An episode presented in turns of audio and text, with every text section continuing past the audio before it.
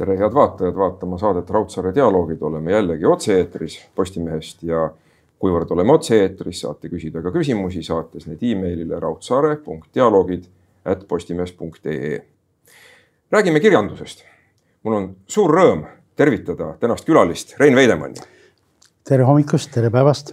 ja eh, Rein Veidemann on tuntud kui kirjanduskriitik, kuid viimastel aastatel üha enam ka kui kirjanik ja ma olen ise võtnud kaasa ühe raamatu, mis ei ole mitte küll kõige viimane raamat, aga on üks küllaltki oluline romaan pealkirjaga Lunastatud, mis räägib Jansenist, Postimehe asutajast, tema elust, tema võitlustest, tema mõtetest. ja ma olen selle peaaegu läbi lugenud, selle raamatu ja kui see kokku võtta ühe lausega, siis igaühest võib saada Jansen jah, nii ta on ja, ja Jansen enda elu ja saatus on selle tõestuseks olnud. no mina toetusin selle romaani kirjutamisel kahele põhilisele allikale ja, soo, ja soovitan muidugi kõigile vaatajatele, kuulajatele ka sel, nende allikate poole pöörduda. esimene nendest on muidugi meie nii-öelda keskne Janseni Koidula ja selle ajastu tundja Malle Salupere väga väärikas daam, üheksakümne, ta täis üheksakümnendat sünnipäeval jälle hiljaaegu ja Malle Salupere on kirjutanud äh, siis Jansenis postipapana. Ja teise, teine, see oli kuus kaks tuhat kümme, aga kahe tuhande kaheksateistkümnendal aastal ilmus temalt äh, võrratus, suurepärane, mahukas monograafia Koidula ja tema kaasteelised ja tema aeg. ja vaat äh, sealt siis on kogu asi Janseni elulugu ja, ja tema perelugu lugu ja Koidula ja need on kõik ole esitatud. nüüd see teine allikas, mis mind tegelikult nagu sütikuna mõjutas, oli äh, mulle kätte puutunud, millele Salupere ka viitab, kätte puutunud äh, Johann Voldemar Janseni äh, nooruspäevik. päevik Diarium, mille ta siis, mida ta pidas, kui ta oli kuskil kahekümnendates eluaastates neid ühtekokku. Saksa keeles saksa keeles ja pidas saksa keeles ja siis mm, need päevikud Nendest kaks on kaotsi läinud, ühe ta ise hävitas ja teine on kaotsi. huvitav, miks ta hävitas? Eh, vaat seesama päevik, eh, mis ta hävitas, kui te selle osa olete kindlasti lugenud, see käsitleb seda osa Jansenist, kus ta käis esimest korda Soomes. tuhat kaheksasada eh, kuskil nelikümmend üks, nelikümmend kolm käis Soomes. ja ta oli tõepoolest siis kahekümne aastane, natuke üle kahekümne ja tema õpetaja siis Vändra pastor Körber saatis ta sinna ja, ja ta käis seal ja ta oli nagu noor kukk seal. ja, ja muide sellest äh, esimesest Soomes käigust on ainukene mõni rida Eesti Postimehes, millest ta hiljem kirjutab äh, pika äh, sarja artikleid sellest, kuidas ta teist korda käis, tuhat kaheksasada seitsekümmend üks, mis oli väga oluline käik. nimelt pärast seda ju teatavasti Liidia Koidula abiellus selle Eduard Michelsoniga, ähm, Läti, Läti, lätistunud baltisakslasega ja samal ajal tema äh, äh, ise äh, noh, kinnistas seda tohutu suurt fenofiiliat, nad olid kõik ju fenofiilid. jah, nii et, et ja selle ülevaates sellest reisikirjast, mis Jansen siis Eesti Postimehes juba Tartu päevil avaldas, seal ta ainult kahe lausega meenutab, et missugune hirmus sõits oli tookord Soome. mina arvasin, et ma olen tohutu niisugune noh, tähtis tegelane, aga, aga selgelt tagasi tulin, olin nagu uppunud kukk. nii et, et see päevik, äh, see mida te küsisite, et miks ta selle ära hävitas, tõenäoliselt ta häbenes seda. Ja tõenäoliselt oli seal sees tema esimene suur armulugu, äh, mis tal oli siis äh, ähm, ühe Soome neidisega aga samal ajal oli ta Emiliaga juba tuttav, ühesõnaga taht-, ei tahtnud siis Emiliat nii solvata oma varasema minevikuga ja seetõttu ta selle ilmselt ära hävitas, aga tõepoolest, me seda põhjust tausta päriselt ei tea.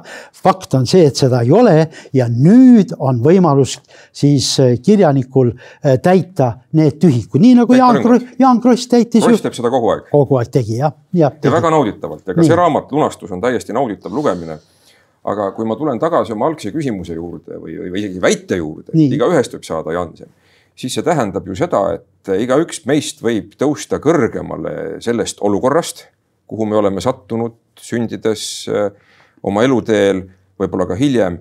ja igaüks meist võib iseennast ületada, mida ju kahtlemata Jansen tegi.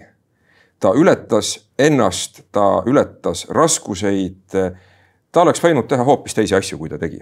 ega see lehe kirjastamine, väljaandmine ei andnud talle mingisugust head elu jah, ma ise arvan, ma ise, ma lugesin välja sealt. Tõepoolest kogu Janseni elust loost võib välja siis lugeda seda, et, et Janseni siis lehe asutamine Äh, lõpuks laulupeo tegemine, äh, kooride asutamine, juhatamine, õpetajatöö, ta oli õpetaja. ta oli köster. köster, köster ja, ja pärast Pärnus äh, tuhat kaheksasada viiskümmend kuni kuuskümmend kaks oli ta ju Pärnus ülekooli õpetaja, juhataja. nii et õpetas nii saksa kui eesti lapsi millest see tuleb, et see ja see annab ka romaanile pealkirja lunastatud, et kogu selle nii-öelda töö, mis ta tegi, see oli siis tõepoolest eneseületamine, aga, aga see eneseületamisel omakorda seda motiveeris ilmselt mingisugune vajadus lunastada, mida tekib küsimus kohe. ja põhiliselt, kui me räägime, ütleme siis ähm, äh, religioossel pinnal, siis ei ole see mitte midagi muud kui ürgse sünnipatu äh, lunastamine, kuid Jansenil endal äh, on ka midagi äh, hinge peal midagi hinge peal, mis äh, vajab nagu kompensatsiooni. ehk siis ma pean nagu ähm, korvama selle, äh, mida ma olen tegemata jätnud või mida keegi või mis mulle on sattunud, mis mulle on antud äh, kas kingitusena või, või millest ma olen kuskil võlgu ja vaat nüüd mul on vaja see võlg lunastada ja, ähm, ja see Äh, see tuleb välja seal tema päevikust, diaariumist, mida on tsiteeritud.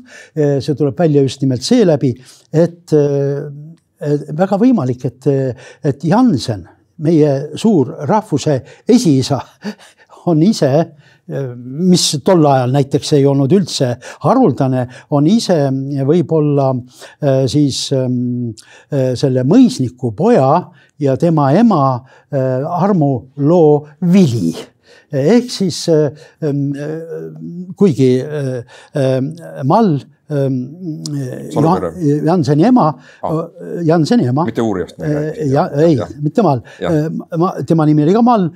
Janseni ema oli küll abielus ja Jansen enne oli sündinud õde Juuli, aga siis tuli vahe sisse ja vaat sealt nüüd, kui seda aega natuke lähemalt uurida, see oli nimelt Vändra mõis ja Vändra mõis, major Tiitmar oli selle mõisnik ja temal oli poeg kes oli Janseni emaga ühevanune kaks noort inimest võisid leida ennast teineteist, kuigi Mall oli juba abielus, aga ta oli küll abielus, aga mitte kirglikult.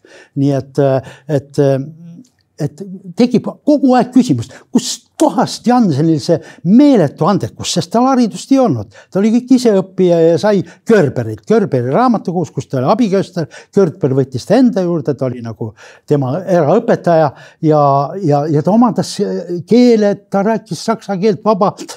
nii et ja, ja see andekus jutuvestjana näiteks, mis ja, ja siis see ettevõtlikkus, tohutu ettevõtlikkus ja need kakssada kolmkümmend neli juttu, mis ta on kirjutanud, ta on kirjanik.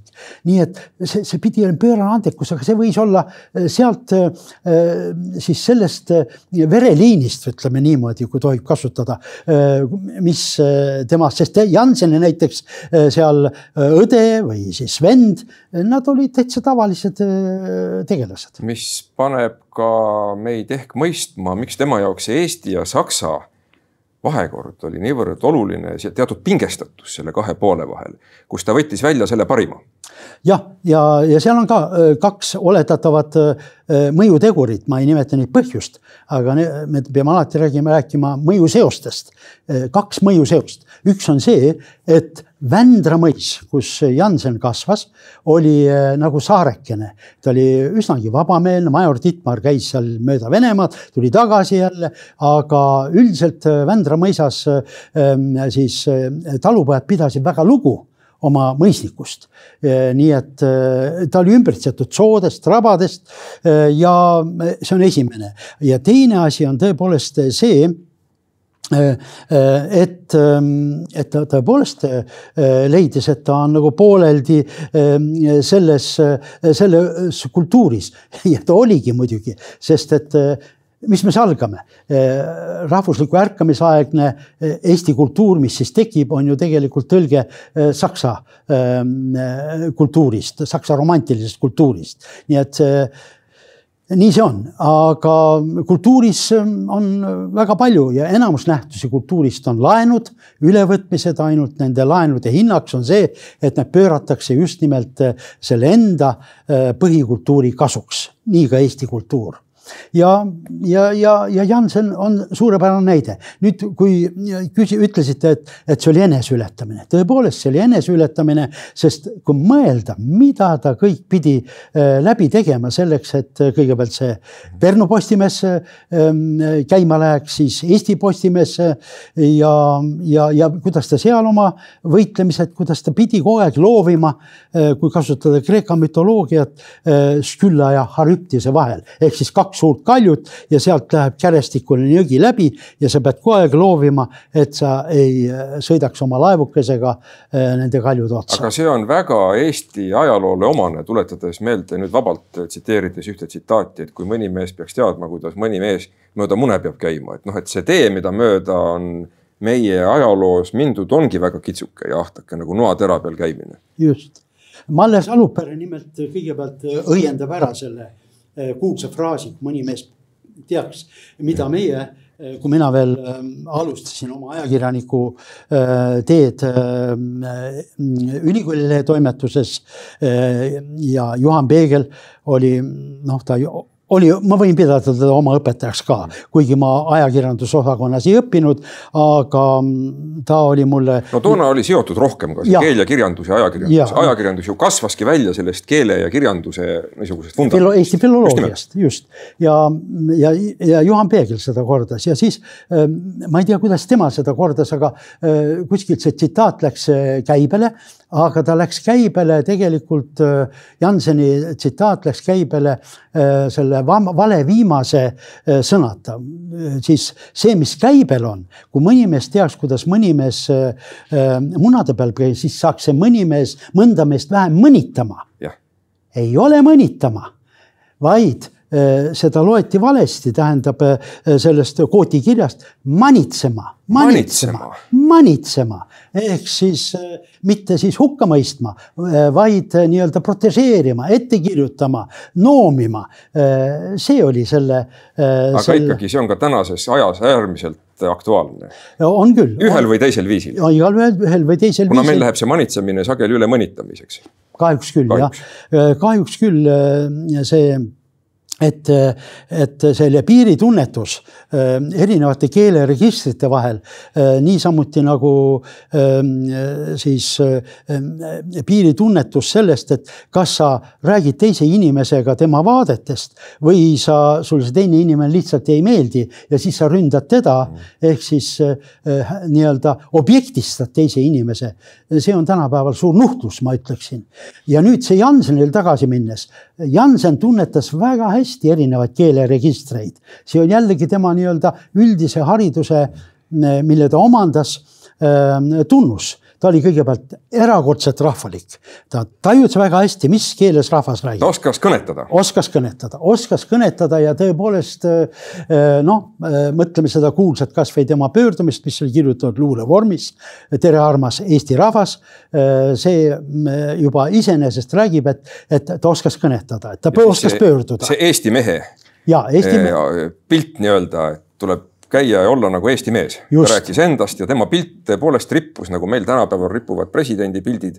oli ka kohti kõrtsides, kus oli tema pilt üleval, lehest välja võetud, millest ka siin raamatus lugeda. jah oli ja äh, nii äh, ja siin tuleb nüüd välja, et ilmselt ta äh, juba nii-öelda intuitiivselt või väga hästi teadis, mis on turundamine nii et turundada äh, siis ehk siis levitada.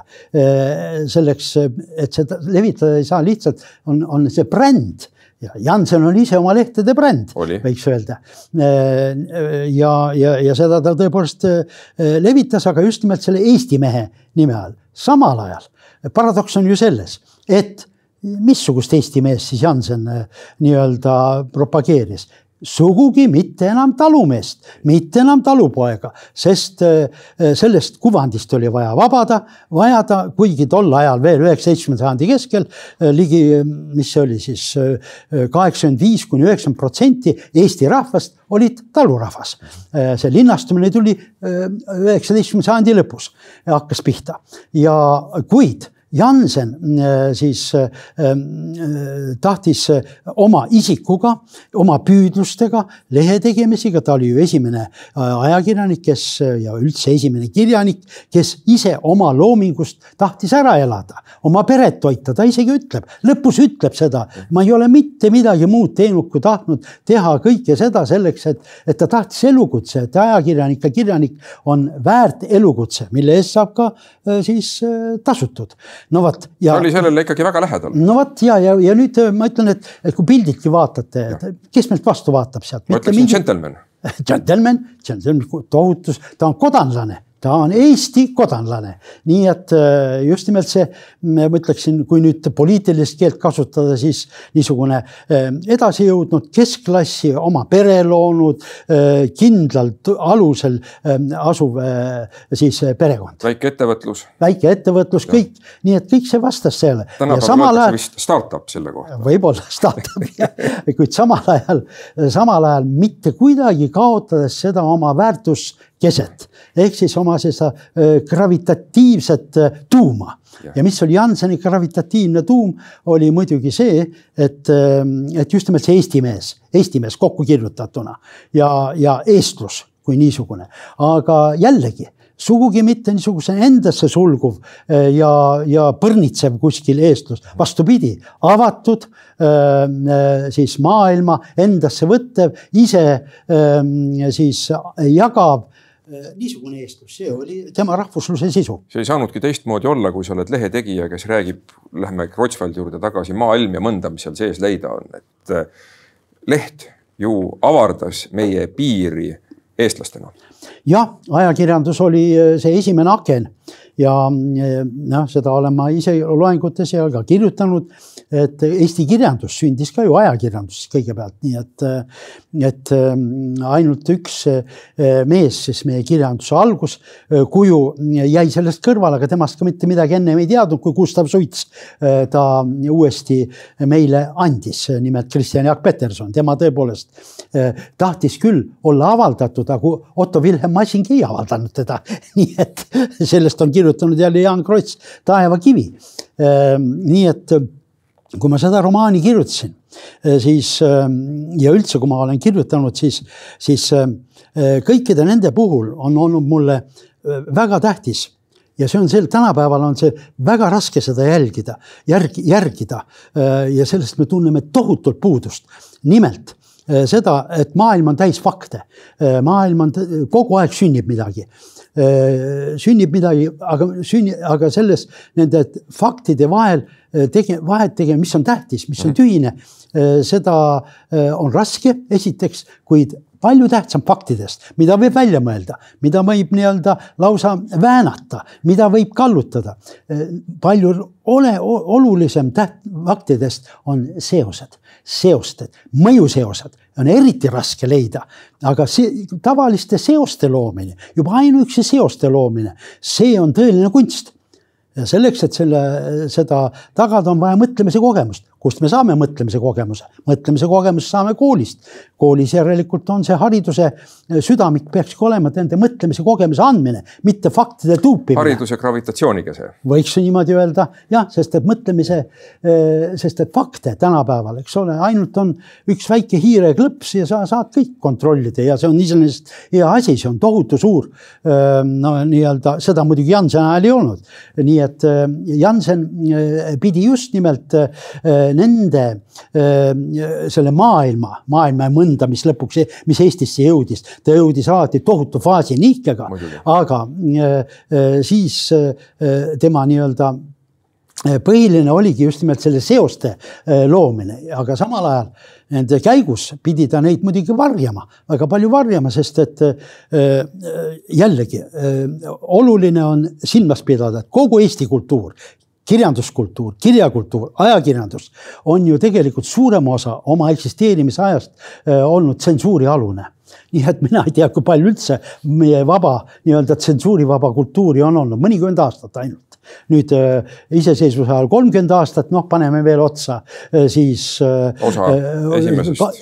jah, tuhat üheksasada kaheksateist kuni kaks, kuni kolmkümmend neli, ütleme jah. kolmkümmend neli jah, no ütleme seal Vabadussõja ajal veel ka tegelikult ei olnud suurt, suurt sõnavabadust. palun väga. ikkagi sõjaolukord. palun väga jah ja,. nii et kahekümnendast aastast. nii et jah, nii et tsensuuri all ja muidugi Jansen oli, ise pidi sellega kogu aeg silmitsi seisma ja see. Nii et see on vähem. see on ka minu, minu nii-öelda ajakirjanduse mm -hmm. minu eluloos, kus oli siis ka, on olnud ka väga palju ajakirjandusega tegemist olnud ja ma olen seda kõike ise omal nahal kogenud. Eh, seda mitmekordset tsensuuri, millest Piret Lotman on kirjutanud terve monograafia. nii et meil on ju see kirjandus ja ajakirjandus omavahel väga tihedalt põimunud noh, ma ei tea, võib-olla meelevaldne näide, aga mulle tuleb meelde Teet Kallase raamat Kes tõtta pöisele rongile, et kus oli ka väga palju ajakirjanikest oli juttu ja samas Teet Kallas ise on ju ka olnud nii kirjanik kui ka natukene ajakirjanik ikkagi kirjutanud ja teinud stsenaariume kirjutanud. et eh, teilt tuli ka üks teine väga hea raamat nüüd hiljaaegu välja, mis räägib Eesti kirjanduse mõttest. ja minu meelest, kuna meil on väga väike rahvas ja praegu me Janseni näitel nägime, milline on olnud sellise kirjandustausta tähtsus meie rahvuse kujunemise loos mulle tundub, et see on jätkuvalt väga tähtis. see on, on, on kindlasti jah, ja ma sellesse raamatusse siis ja ma panin teadlikult selle raamatu pealkirjaks Eesti kirjanduse mõte. nüüd need kolm sõna on äh, võetavad triptühonina mm, -hmm. triptühonina. Äh, ma pean meie vaatajatele selgitama, mis asi triptühon on, kui nad kunstinäitusel lähevad või see on üks väga vana, ähm, siis kõigepealt on tegemist ikoonide esitamise äh, kujuga. Need on siis väike jutustus, mis on laotatud kolmeks osaks. keskel on siis seal alati siis jumala kuju ähm, või Neitsi Maarja kuju ja kõrval on siis selle suure legendi mingisugused olulised detailid detailid ja see on siis niisugune eh, kolmest osast koosnev maal, aga triptühon võib olla ka keeleliselt ja mina kasutasin just nimelt selle, seda kolmikseost. Eh, Eesti kirjanduse mõte. Ja, ja, ja tõepoolest Eesti.... mis siin nüüd jumala kuju on nendest kolmest? See on, see on tõesti hea küsimus. jumala kuju nendest kolmest on Eesti, esimene Äh, ja, aga nad on kõik nii tihedalt seotud, et äh, võiks öelda, et äh, Eesti kirjandus, see on siis isa, poeg ja püha vaim. nii võib öelda. nii võib öelda, eks ole, olgu, Eesti on siis nii-öelda jumalus. siis kirjandus on siis selle äh, tulemus tõepoolest, kirjandus saab Poeg. olla ainult eestikeelne, siis, siis ta toetab Eestit, siis ta annab Eestile mõtte ja mõte on siis see püha vaim. nii et see tähendus ja mõte eesti keeles, see on üks, üks erakordselt imeline sõna. imeline sõna selle poolest, et mõte ise tähendab siis tähendust Äh, mõte äh, on äh, mõttekus mm -hmm. ehk siis tal on mingisugune otstarve ja mõte on siis ka mingi sisu, vaimne sisu. muide seda ei ole soomlastel näiteks seal, soome keelde tuleb tõlgida, kui see tõlkima peaks ja. seda raamatut, siis on ta Viron kirjallisuuden idea, see on, see on idee. idee, idee jah, sest et näit-, jah, sest et ajadus mõte, mis on soome keeles otsetõlge, ajadus see ei vasta sellele täpselt. nii et või targodius, eesmärk. aga eesti kirjanduse mõte on see selles mõttes tõepoolest väga mõttekas ja, ja, ja, ja suure tähendab, peaaegu nagu olemine olemine ja mõte, need on äh, sama tähendusmahuga meil. no mulle tulevad juba Tõnu Luige filosoofia loengud meelde, kus ühest no me oleme siis, me oleme siis ühe õpetaja õpilased olnud. nii on nii. Äh, mitte ainult Peegli, vaid ka Luige. ja nii, täpselt, väga tore. Äh, ja Tõnu Luigest olen ma väga palju abi saanud, tema konspektid on mul siiamaani äh, olemas ja tema oli esimene, kes juhatas mind siis eksistentsialismi ja Martin Heideggeri juurde. no ja, aga nüüd see raamat, mis on siis ilmus Eesti Eesti mõtteloo sarjas, Rando Runneli välja mõeldud ja. sari ja Eesti mõttelugu nii et järelikult see on siis Eesti vaimse äh, nii-öelda ilma, vaimuilma lugu. Äh, ja sinna võetakse siis tõepoolest nii vanasemaid autoreid, äh, aga ka kaasaegseid ja minust jõudsid ju ette Linnar Priimägi ja Mihkel Mutt. ega ma sellest kade ei ole, aga mul on hea meel, et ka mina nüüd sellesse sarja jõudsin ja sinna ma võtsin tõepoolest ainult üldkäsitlused ja, ja siis mõned mulle väga oluliste kirjanike portreed ja esseed. aga sellele eelneb traktaat aga sellele eelneb üks traktaat, jah, see on tõesti, see on väga tähtis traktaat ja ma ise arvan, et, et see on, see on traktaadiks kirjutatud loengukursus mille ma pidasin Tartu Ülikoolis, eh, kui ma professoriks olin valitud, korraliseks professoriks kaks tuhat üks. Eh, ja hakkasin kohe kahe suure kursusega pihta, millest üks oli siis eh, sissejuhatus kirjanduse filosoofiasse.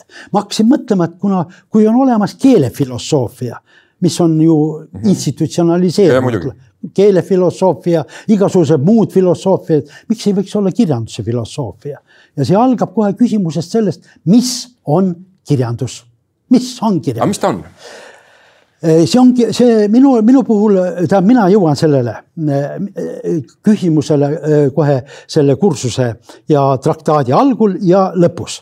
et kui et kirjandus on tegelikult kujund see, mis eristab kirjandust kui mõtlemise viisi, kui elu kujutamise viisi, tegelikkuse kujutamise viisi teistest, on äh, siis äh, nii-öelda tungimine iseenda poole, omaenda sügavuse, omaenda suure kujundi poole. kirjandus on ühe suure kujundi otsimine ja äh, see võib isegi osutuda täiesti tavaliseks tegelikkuse kirjelduseks, mis on noh, kuidas me praegu istume siin või nii edasi, aga kui me piisavalt kaua siin istume, siis. muutub see Godot ootamiseks. võib see jah, ja see, kes jälgib, ootab, vaatab, äh, leiab tema jaoks mingi võrdluse.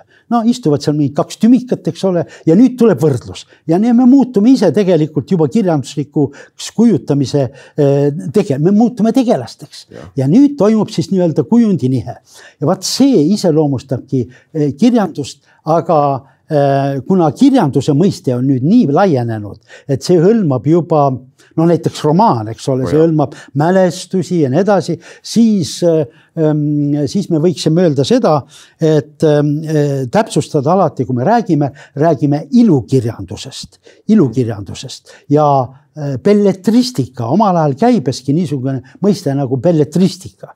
no vot ja, ja see on üks minu järeldusi, milles ma selles traktaadis siis äh, püüan, ähm, püüan jõuda mm. -hmm. nii et, äh, aga paraku kogu raamat lõpeb ähm, siis, lõpeb esseega mille aluseks on üks ettekanne, mille ma Soomes pidasin ehm, kriitikute ehm, suurel juubelikonverentsil.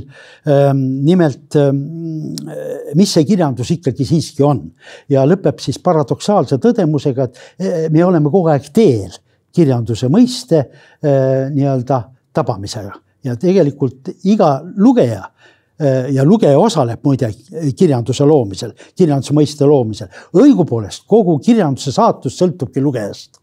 nii et nii palju, kui on lugejaid, nii palju on ka tõlgendajaid ja seetõttu siis ka äh, nemad oskavad siis või nemad siis ähm, no määratlevad enda jaoks selle kirjanduse olemuse. kahtlemata no üks lugejast olen ka mina ja mulle meeldib kirjanduse puhul see, et see võimaldab mul elada teisi elusid minna kohtadesse, kus ma pole käinud, eh, läbi, elada läbi situatsioone, mida ma ei ole läbinud, mõtestada ennast maailmas ja nüüd, kui ma lähen lugeja küsimuste juurde, mida ma siit telefonist sirvin, siis eh, üks küsimus puudutabki seda raamatut lunastatud.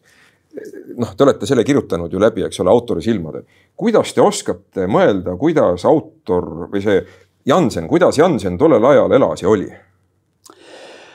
No see Eh, ainult kujutlusvõime aitab siin kaasa ja nendest eh, see, mis kõik Janseni kohta on loetud. no üks asi on faktid. Eh, mida me tema päevikutest Nii, teame, ajakirjandusest teame, kaasaegsete memuaaridest, ülestähendusest. teine, kõige olulisem on see, et sa pead ennast Janseni nahka pugema, sa pead kujutama ise ette ja see on tõepoolest tegelikult ka ühtlasi romaan Minu enesepeegeldus, minu peegeldus Jansenis või Jan, Janseni peegeldus minus, sest kolmas osa, romaani kolmas osa räägib minu jõudmisest jõudmisest Janseni see tuleb juba tänapäeva. see on täna, see on täna. kahekümnes sajand küll, jah ja,, see ei ole päris tänapäeva, aga. ja ei, see on jah, seal on seitsmekümnendad aastad kuni viimased paar lehekülge on lausa siis Janseni sünnist, kui on möödunud kakssada aastat, siis, siis kaks tuhat üheksateist see oli siis sellega seoses, nii et need viimased leheküljed on juba seal. viimane lehekülg jõuab kaks tuhat üheksateist. aga Äh, mida ma tahan öelda, on, on, on, on tõepoolest see, et ähm, sa, äh, sa peaksid nagu kehastuma. see on ümberkehastumine, mõnes mõttes on see nagu. näitlejatöö. näitlejatöö jah, nii et äh, kirjanik on ka, asub näitlejaks.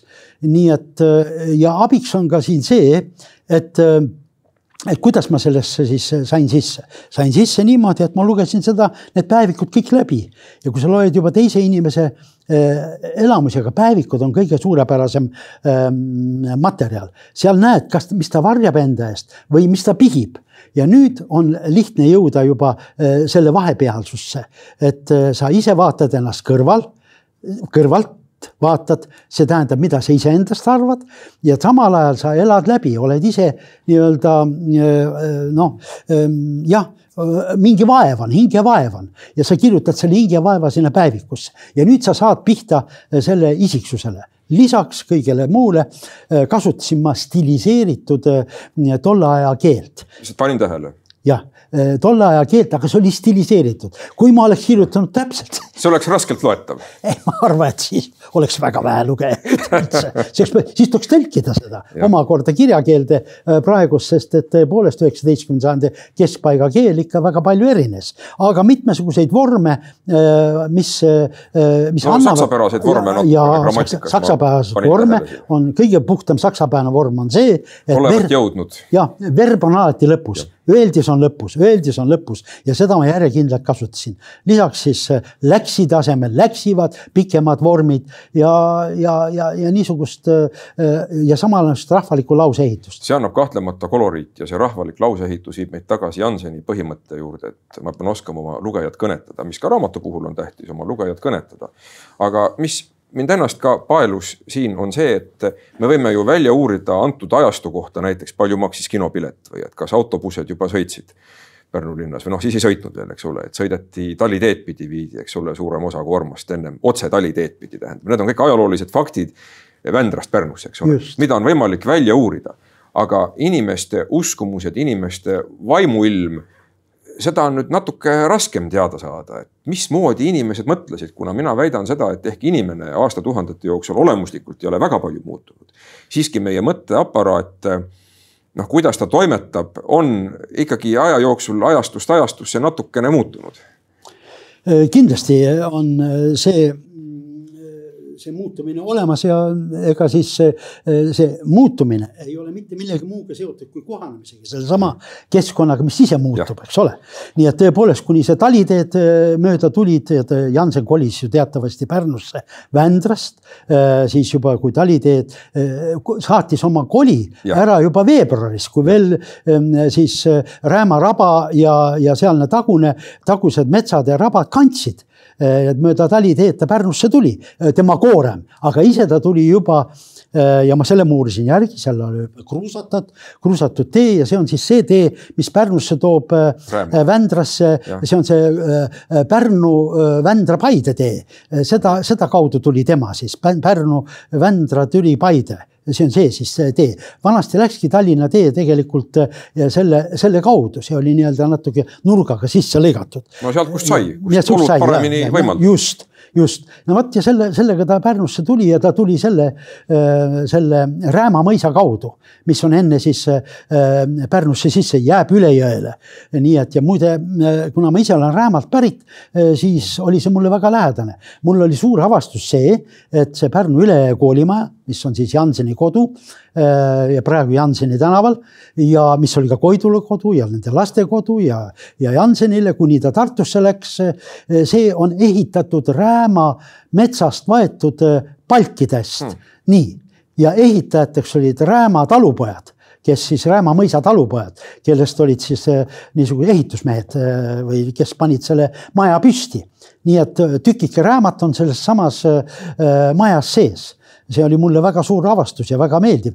ja, ja aga jah, seda ma ei saanudki algul mainida, et üks ajend on veel selle romaani kirjutamiseks oli see, et mina oma äh, lasteaia ähm, aja aastatel tuhat üheksasada nelikümmend üheksa kuni viiskümmend neli ehk siis ligi viis aastat olin äh, äh, Janseni koduõuel. Nimelt äh, selle Janseni maja kõrval endises seltsimajas ja ka hilisemaks kooliks, uueks kooliks ehitatud majas oli tükk aega Pärnu kolmas lasteaed ja mina olin selle lasteaia kasvandik.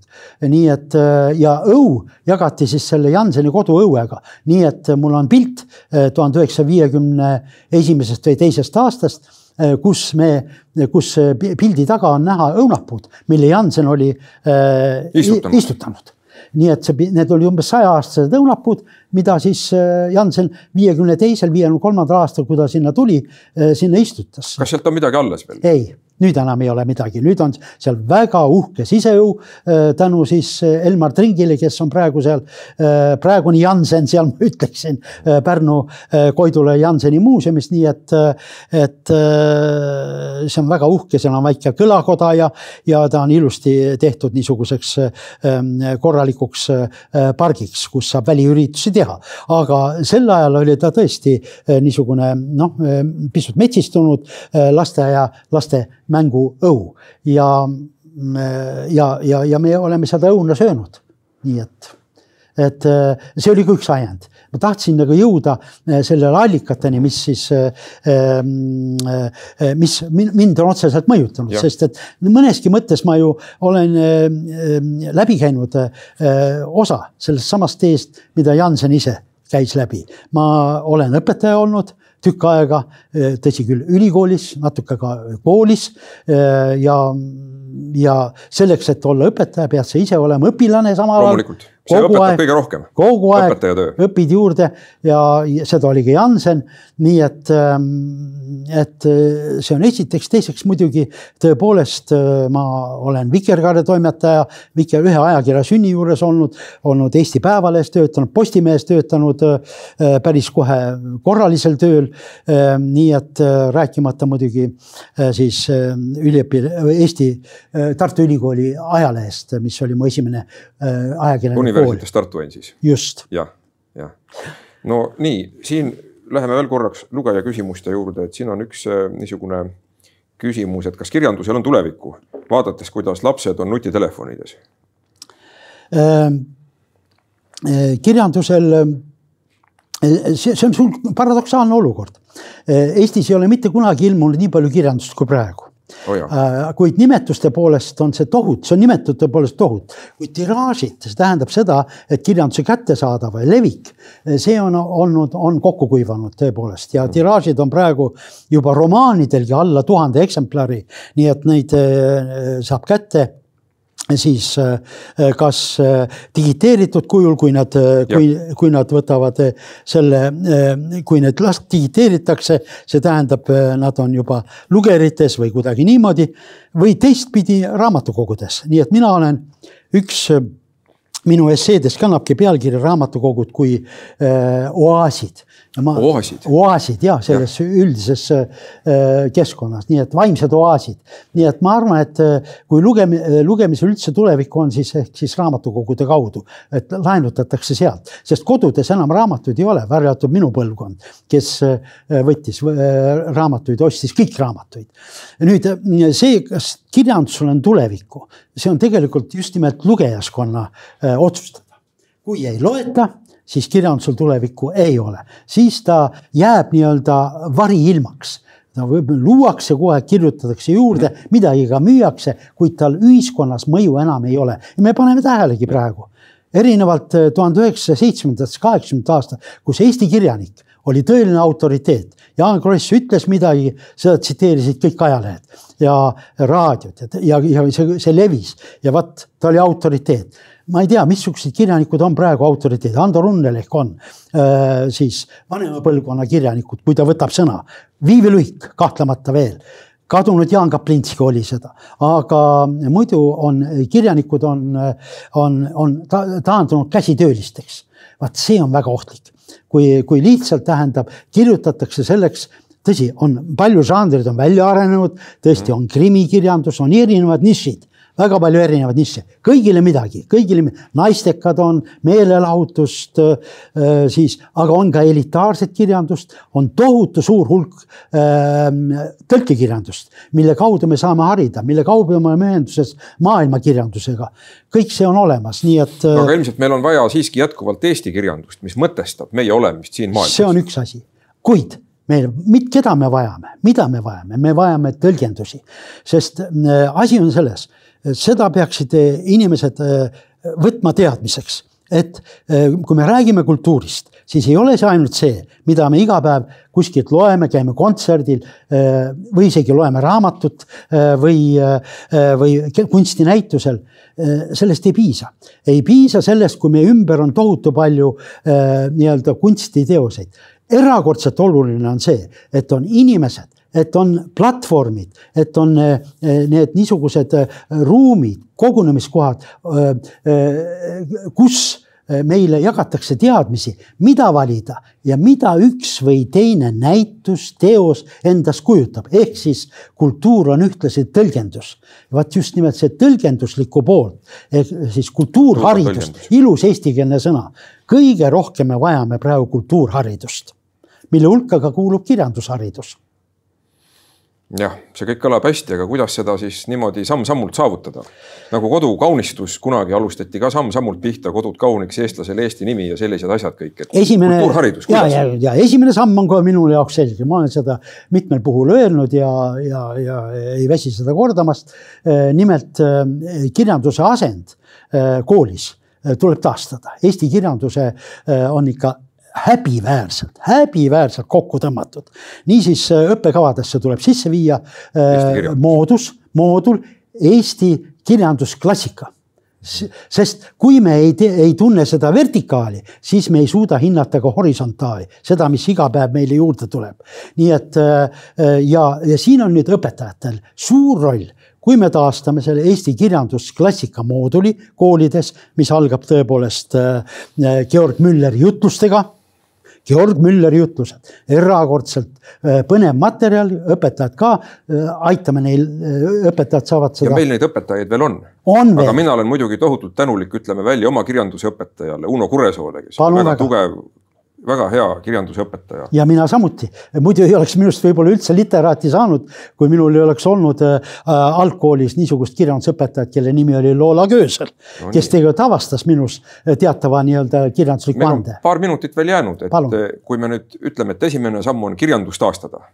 kirjandusõpetus. kirjandusõpetus koolides edasi, mis võiks olla programmi? Äh, edasi kirjanduse, äh, siis kirjanike äh, siis elulugude, kirjandussündmuste, kirja, Noor Eesti, Siuru, nende elulugude lavastamine, tuleb kasutada teisi meediume tähendab, kirjandus peab jõudma teistesse meediumidesse, sarjade, telesarjade, nende meediumisse, mis praegu domineerivad ja, ja mis on kõigile kättesaadavad, tähendab, nad muud peavad vaatamise objektiks muutuma. filme autoritest, kirjanikest, tohutud draamad, kirjanike päevikud, tähendab, selles mõttes tuleb kirjandust populariseerida ja see on tegelikult just nimelt see nii-öelda kirjanduse ümbruse esitamine, konteksti esitamine, mis siis inimesed viib ka ühe antud teose juurde ja minu Janseni äh, ra raamat teenibki seda, et, et ehk siis nüüd äh, loetakse ka mõnda Janseni juttu. Jansen on väga häid jutusid kirjutanud muide,